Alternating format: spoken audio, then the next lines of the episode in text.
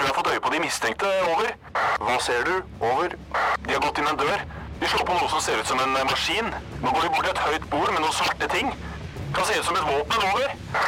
Vent. Får videre instruks. Over. Nei, vent! Det kommer på en rød lampe. Over. Røverradioen. Norsk fengselsradio. Dette barnet responderer ikke med øynene, men snur heller øret til oss som snakker til det. Jeg tror barnet er blind. Dette var beskjeden min mor fikk av en lege på fødestuen på Haukeland i desember 1993. Eh, heldigvis så var jeg ikke blind. Etter mye testing som var kronglete og tungvint å gjøre på et spedbarn, fant de ut at jeg var sterkt svaksynt at jeg med briller på ser ca. 11% Et par briller som jeg for øvrig fikk tidlig. Se for deg en søt liten baby. Eller en overvektig baby med dåpskjole og trill runde turkise briller som ser ut som de er påtegnet med kulepenn. Det er mitt dåpsbilde.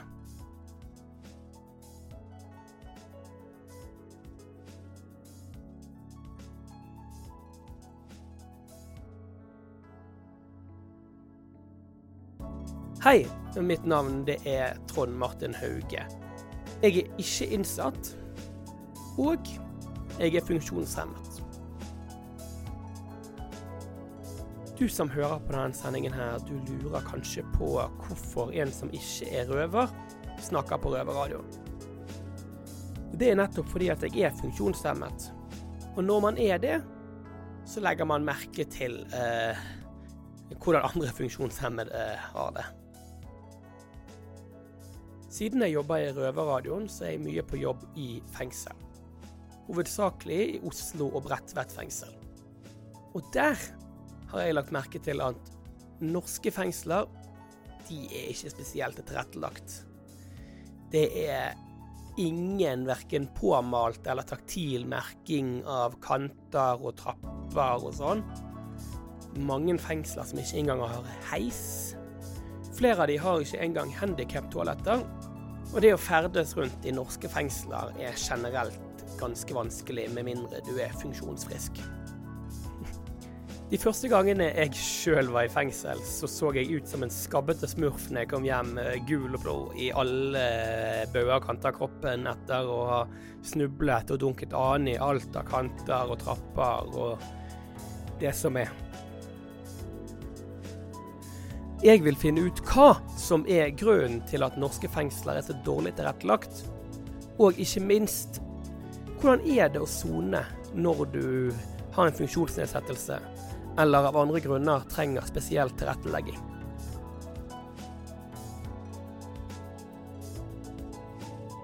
Etter norsk lov skal alle offentlige bygg være universelt utformet. Med universell utforming menes tilrettelegging av samfunnet, sånn at alle kan bruke det. Erfaringen min er jo at dette absolutt ikke følges i norske fengsler i dag.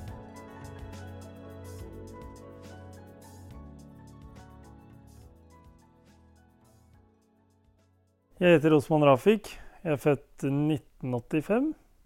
Akkurat nå så soner jeg en dom fra 2013 i Halden overgangsbolig.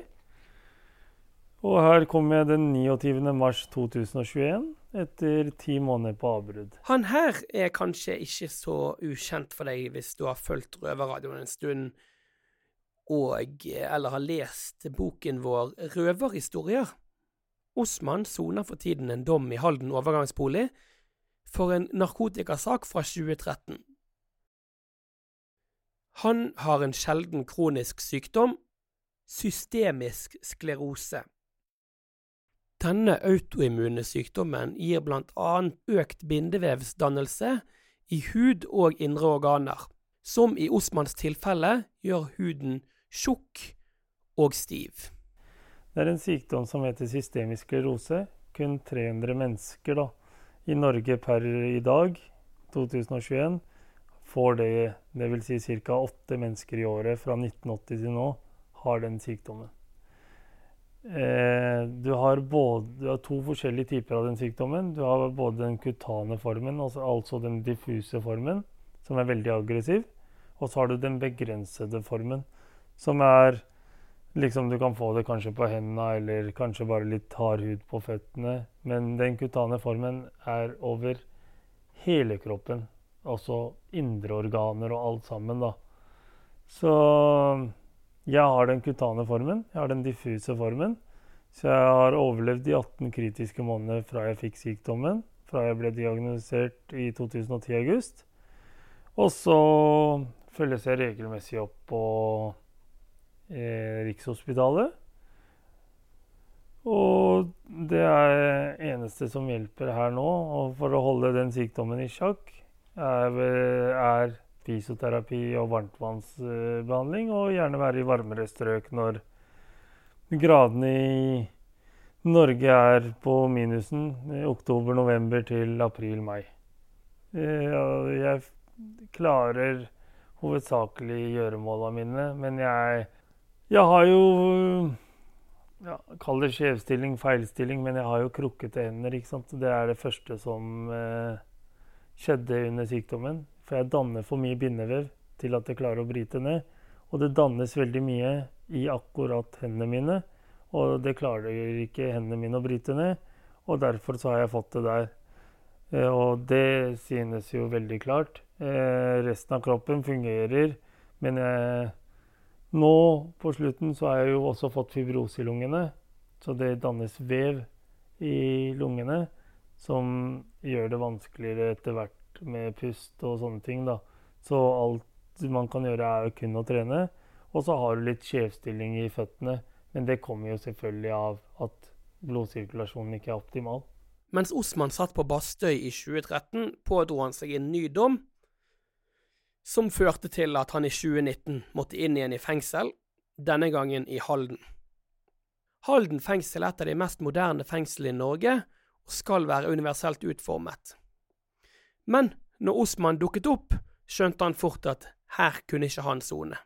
Jeg ble kjørt av en kompis, eh, barndomsvenn. Eh, kom hit og så de store portene som vanlig, og gikk inn og fikk hjelp til å bære siden jeg har litt problemer med å bære poser og sånne ting, så har jeg litt besvær med det. Så fikk jeg hjelp av godeste de som jobbet. Ja, jeg måtte jo gi fra meg koffert, og sånn at uh, bikkjene skal jo lukte og alt det der.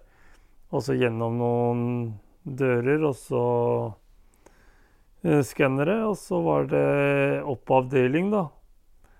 Og la meg i senga og sånn, og så så jeg at det var bad og toalett og sånn, og da sa jeg liksom Hvem er det Når jeg skal på toalett, så er, har jeg jo Jeg har jo vask- og tørktoalett, ikke sant, og det, det, er litt vanskelig når du har disse hendene her, å vaske seg sjøl og sånne ting.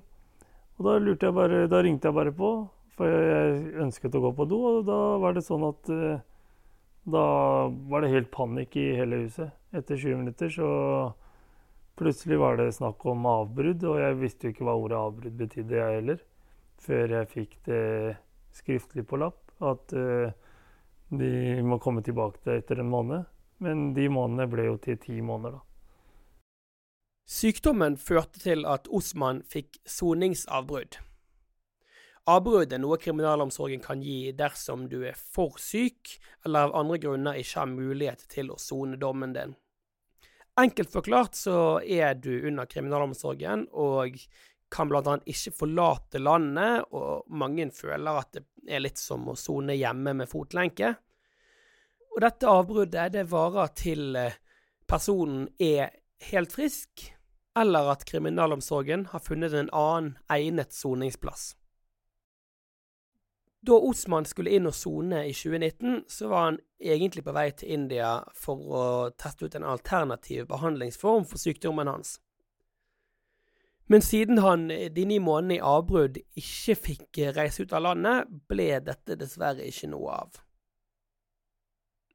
Når du har en kronisk sykdom som gradvis blir verre, og dette i tillegg forverres av å sitte i fengsel, blir dette avbruddet da en strengere straff, Ja, jeg, hjemme så har jeg hatt hjemmesoning, da, ikke sant. Om du sier lenke eller ikke. Jeg hadde jo ikke noe lenke på meg, så de fulgte jo meg ikke. Men det var jo mer eller mindre hjemmesoning. Så det går jo under, under hjemmesoning. Jeg er jo under strenge restriksjoner og vilkår som jeg må følge. Ja, jeg har jo gjort noe gærent. Det er jo derfor jeg sitter her. Altså Ekstra straff er jeg ikke, men jo, ekstra straff er jeg pga. Av avbruddet. Så føler jeg at jeg soner Da jeg skulle sone to år, så soner jeg to år og ti måneder.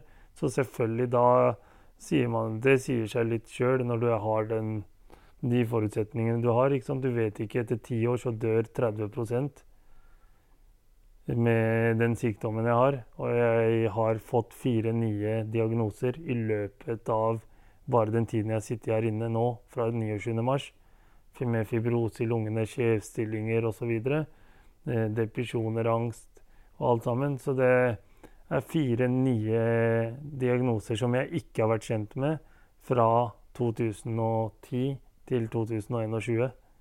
For da har alt gått uh, veldig fint. For da har jeg hatt et team der ute i Oslo som har vært med og bidratt med alt.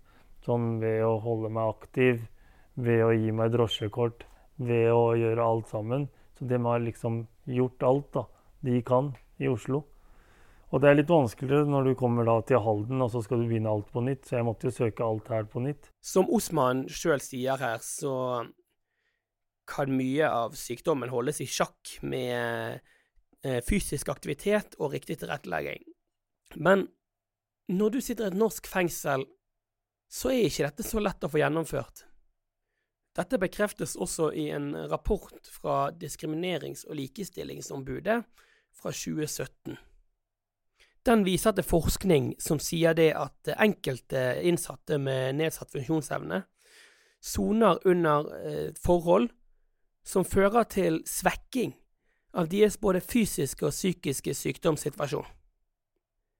Etter ti måneder i soningsavbrudd eh, kom Osman inn igjen til Halden fengsel denne gangen til en av overgangsboligene som fra før av er tilrettelagt for rullestolbrukere. Selv med all denne tilretteleggingen har Osman behov for mye hjelp for å få gjennomført dagligdagse gjøremål.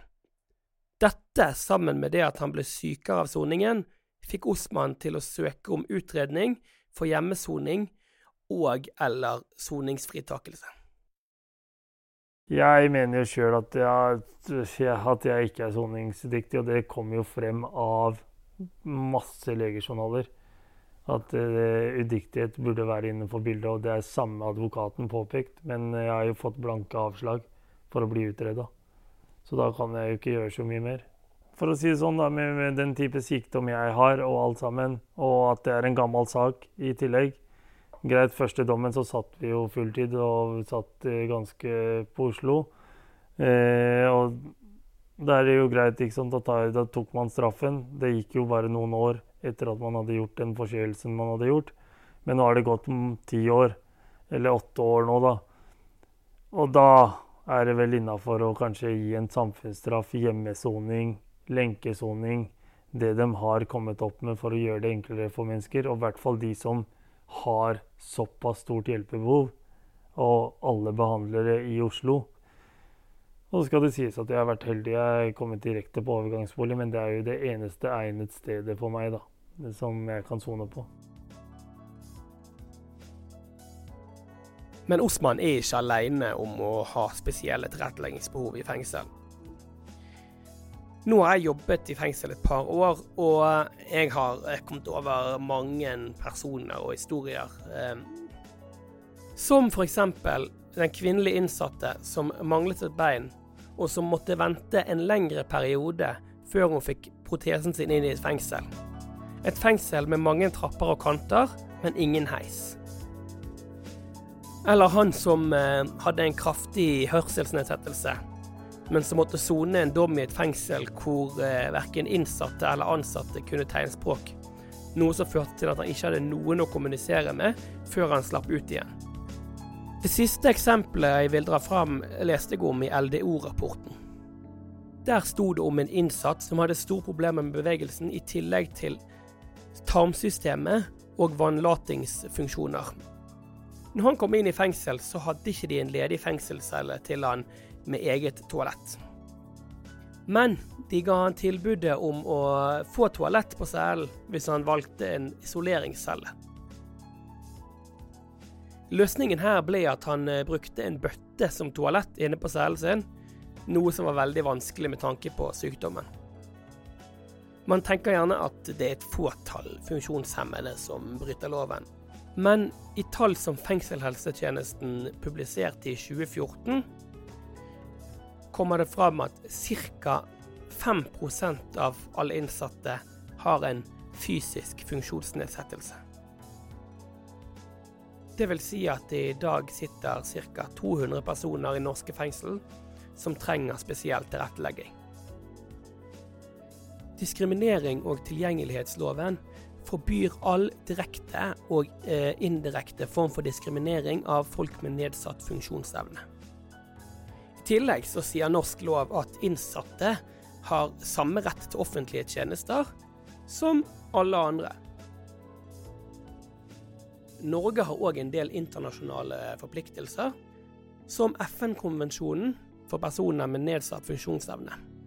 Den sier at staten har plikt til å gjennomføre alle nødvendige tiltak for å sikre, verne og fremme menneskerettighetene til personer med nedsatt funksjonsevne.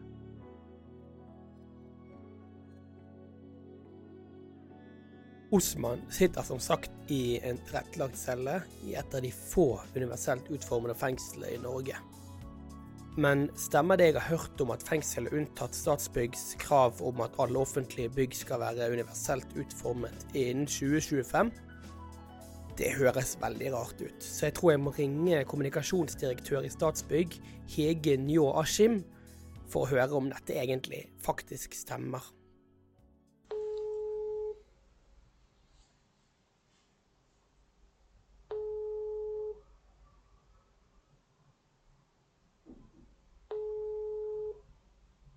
Hei.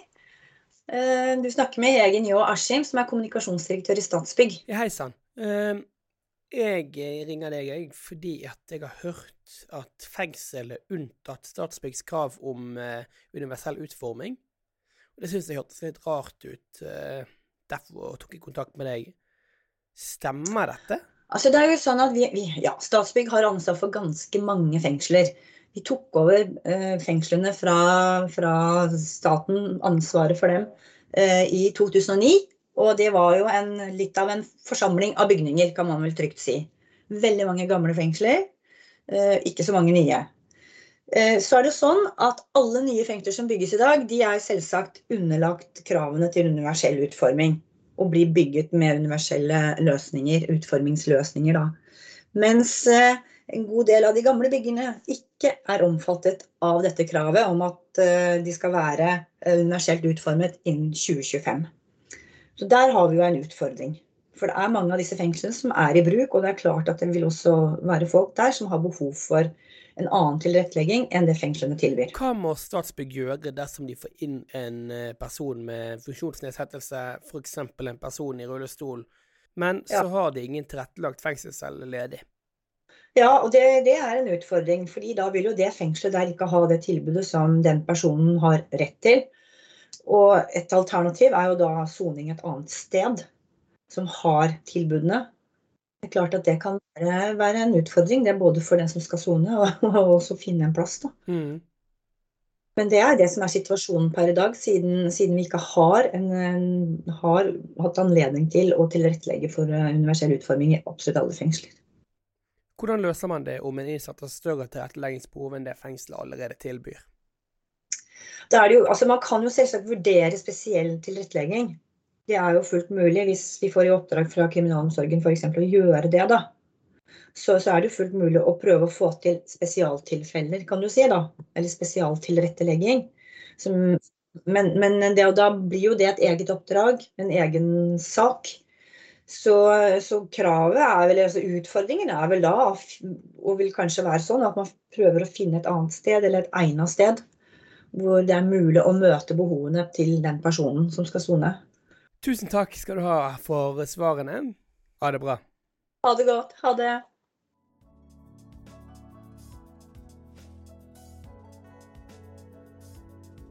Statsbygg sier jo her Osman, at de ikke har mulighet til å tilrettelegge gamle fengselsbygg, men bare de som de har bygd sjøl.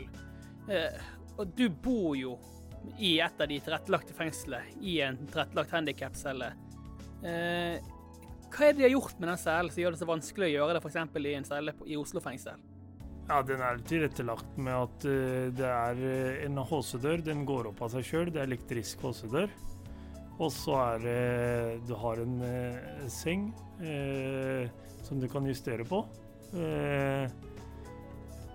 I forhold til de andre sengene, dobbeltsengene som er på de andre rommene, så kan du justere litt opp og ned hvordan, hvor høyt og hvor lavt du vil ha det. Og så har du Jeg tror ikke tørk- og vasktoalettet var der med min, han forrige innsatte som var der, i hvert fall. Sånn, så, Sett vekk fra vask- og spyltoalettet. De andre tiltakene som er gjort for å eh, tilrettelegge disse handikapcellene, eh, tror du det kunne f.eks. vært gjort i Oslo fengsel? Du som har bodd der òg? Ja, jeg har vært i Oslo fengsel, og jeg mener at Oslo fengsel kunne hvis Alt er mulig hvis man vil gjøre det, og hvis viljen står på at man ønsker å gjøre en forandring, så tror jeg ikke det er noe problem for Statsbygg om det er Oslo fengsel, Ullersmo eller hva du, hvilken fengsel du vil. Men jeg tror at det viktigste er at de, det står jo på selvfølgelig økonomi, tror jeg, da. Og så hvor mye de legger i det. Og hva som er Hvem som skal sone hva, og hvilken type sykdom, og hva slags tilrettelegging som skal tilrettelegges, da, og hvor mye penger de vil legge opp i det hele kassa. En som har kunnskapen til å mene noe om eh, fengselstilrettelegging, og som vet hvilken tilrettelegging man faktisk kan få i fengsel, er Are Høydal. Hei, jeg heter Are Høydal, og jeg er fengselsleder i Halden fengsel, og har vært det siden oppstarten i 2010. Derfor sendte vi ansvarlig redaktør i Røverradioen, Mine Hajan, til Halden fengsel for å spørre Are om hva som skjer når de får inn en innsatt som Osman. Det å ta inn innsatte med spesielle behov kan være en utfordring for fengselet. Det er uh, veldig mye utfordringer knyttet opp mot det. Uh, spesielt hvis de ikke kan uh, hjelpe seg selv. Vi har jo innsatte som trenger bistand nesten kontinuerlig. Så da har vi jo heldigvis helseavdeling her på, på, dagtid, men på ettermiddagstid så blir det jo at betjentene må, må bistå i forhold til uh, mye som egentlig betjenter ikke skal drive med. Uh, så det er uh, tungvint og vanskelig med den gruppa, men vi, vi, må jo hjelpe dem. Det er, jo, det er jo mennesker som skal ha hjelp. Det er ikke noe hemmelighet at tilrettelegging ikke er billig. Følger det mer penger med de innsatte som trenger spesielt utstyr eller spesielle soningsforhold?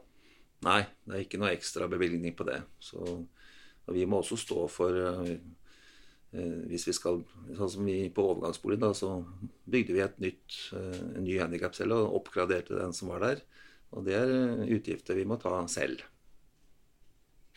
Har dere nok ressurser slik at dere får tilrettelagt for innsatte med særskilte tilretteleggingsbehov? Nei, det er aldri nok ressurser i kriminalomsorgen, og spesielt de siste årene årene så har jo det vært en voldsom eh, kutt eh, i norsk kriminalomsorg. Så helt fra 2014, hvor vi fikk denne såkalte avbyråkratiserings- og effektiviseringsreformen, så har det vært eh, mye kutt i norsk kriminalomsorg. Og, så det blir vanskeligere og vanskeligere å få, dette, få endene til å møtes. Å gjøre en jobb som hjemmetjenesten og assistenter gjør på utsiden, står ikke i stillingsbeskrivelsen til en fengselsbetjent. Men når hjemmetjenesten bare er på jobb på formiddagen, må andre steppe til. Så har vi hatt eh, vi har to veldig veldig handikappede innsatte som, eh, som, rett og slett trenger 24-7 eh, tilsyn og, og, hjelp. Så I det første tilfellet så fikk vi, fikk vi bistand fra Halden kommune og hjemmetjenesten der, som, som var på avdelingen veldig ofte i løpet av en dag. Og men på et eller annet tidspunkt på kvelden så, så, så må jo de Så har vi ikke det tilbudet, og da må betjentene bistå. Så, og, det, og, det, var en veldig multihandikappet innsatt som trengte hjelp til alt mulig. Og vi har også en eh, nå for tiden som også trenger tilsvarende hjelp. Så det er meget krevende. Som tidligere nevnt i sendingen, så var det ingen ledige tilrettelagte celler når Osman kom inn i fengsel. Og derfor fikk han dette soningsavbruddet. Når eh, vi får helseutfordringer eh, inn i fengselet vårt, så er det jo helseavdelingen som tar en kartlegging, eh, helsekartlegging av alle nyinnsatte. Absolutt alle nyinnsatte. Og i dette ja, i tilfellet hvor det, er innsatte som har veldig store utfordringer, da, så vil jo den kartleggingen foregå med en gang. Vanligvis så skal det skje innen 24 timer. Men i noen tilfeller hvor vi ser at det er veldig veldig utfordrende, så, så skjer det med en gang. Og i noen tilfeller så sier eh, vår helseavdeling at eh, vedkommende kan ikke være inne i lukka. Vi har ikke nok muligheter til å ivareta vedkommende på en vanlig handikapcelle. Eh, så er vi så heldige, faktisk, som har en, en handikapcelle på overgangsboligen som som er bedre enn det vi har inne. Men den cella, den uh, var på det tidspunktet opptatt. Så derfor så må vi noen ganger gi soningsavbrudd og utsettelse av soning, slik at, uh, at de cellene som er best, da, kan brukes. Så det er vel tilfellet her. For å få hjemmesoning så må den dømte til en eh, legekontroll hos en offentlig lege som bedømmer om eh, vedkommende er soningsdyktig. Ja, Det er en offentlig lege. Det må være en offentlig, kan ikke bruke din fastlege f.eks. Det er en offentlig lege som må da ta en eh, sjekk av helsetilstanden din. og så, så er det den som eh, vurderer at her er helsen for dårlig til å kunne gjennomføres i et fengsel. Men vedkommende kan f.eks. sone på institusjon. Det er det muligheter for. På straffegjennomføringslovens paragraf 13 eller så kan du sone på behandlingsinstitusjon, paragraf 12, hvis det er rus vi snakker om. Eller så kan du sone hjemme, hvis du overhodet ikke kan sone i et fengsel. Så er det også åpning for å ha hjemmesoning med, med elektronisk kontroll. Are har et ønske for eh, norsk kriminalomsorg som han mener at eh, vil løse mange av problemene rundt det å ha innsatte med store sykdomsutfordringer.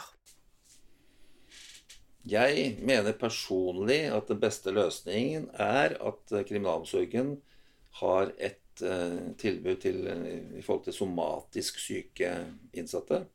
Det skulle vært en, en, avdeling i et av fengslene i Norge som hadde en somatisk sykeavdeling. Hvor de som har såpass store helseproblemer, kunne da sone med helsepersonell til stede. Døgnkontinuerlig. Når jeg begynte i norsk kriminalomsorg, det kan vi godt ta med, i 84 1984 i Oslo kretsfengsel. Min første arbeidsplass i Oslo kretsfengsel den gangen var på sykeavdelingen i Oslo, fengsel, Oslo kretsfengsel. Sykeavdelingen der satt jeg nattevakt sammen med en uh, sykepleier. Jeg var den sikkerhetsmessige mannen, og så var det en sykepleier. Og det var døgnkontinuerlig ti celler på den avdelingen med ganske syke innsatte. Somatisk syke. Og rett over gata, eller rett over plassen i Oslo fengsel, så var det noe som heter Fengselssykehuset. Eh, det er der stifinneren er i dag. De hadde da psykiatri.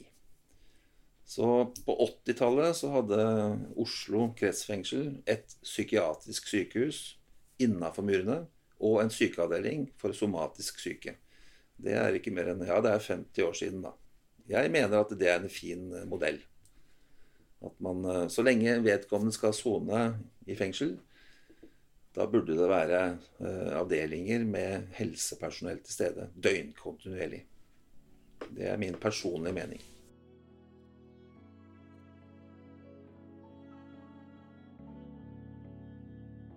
Min jobb det er jo egentlig bare å eh, videreformidle til dere hvordan det er å sone i fengsel når man har en alvorlig kronisk sykdom eller eh, er funksjonshemmet. Men det er vanskelig å ikke bli personlig i denne saken her. Det, det er det. For dette handler jo om likestilling. Man skal ikke dømmes annerledes bare fordi at man har en funksjonsnedsettelse. Men samtidig, hvor mye skal skattebetalerne betale for at eh, ekstra tilrettelegging skal gjennomføres? Og det er så mange store spørsmål her som jeg egentlig ikke kan svare på. For å være litt personlig, da, så er jeg lei av diskriminering av funksjonshemmede, og eh, ja. Og jeg kan rett og slett ikke forstå hvorfor lov om tilrettelegging ikke skal gjelde alle plasser i samfunnet. Spesielt de plassene som den vanlige borgeren ikke ser.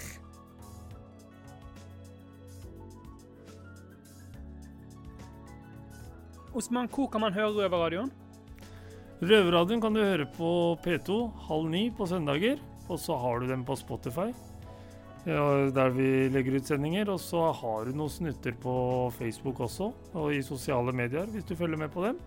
Så jeg oppfordrer alle til å høre på det, både innsatte, ansatte og de der ute som virkelig trenger å høre om hvordan livet bak murene er, utafor murene er. Og så blant de ansatte som også får et innblikk i hvordan de innsatte har det, og hva som blir sagt, da. Og hva skal du gjøre på din uh, tilrettelagte celle uh, senere i dag? På min tilrettelagte celle senere i dag så blir det slappa av, det blir døra åpen, og så blir det masse prat med naboen min. Han er veldig ålreit. Blir, altså blir det en rolig kveld sikkert, og da blir det sikkert noe god mat, og så blir det natta etter det.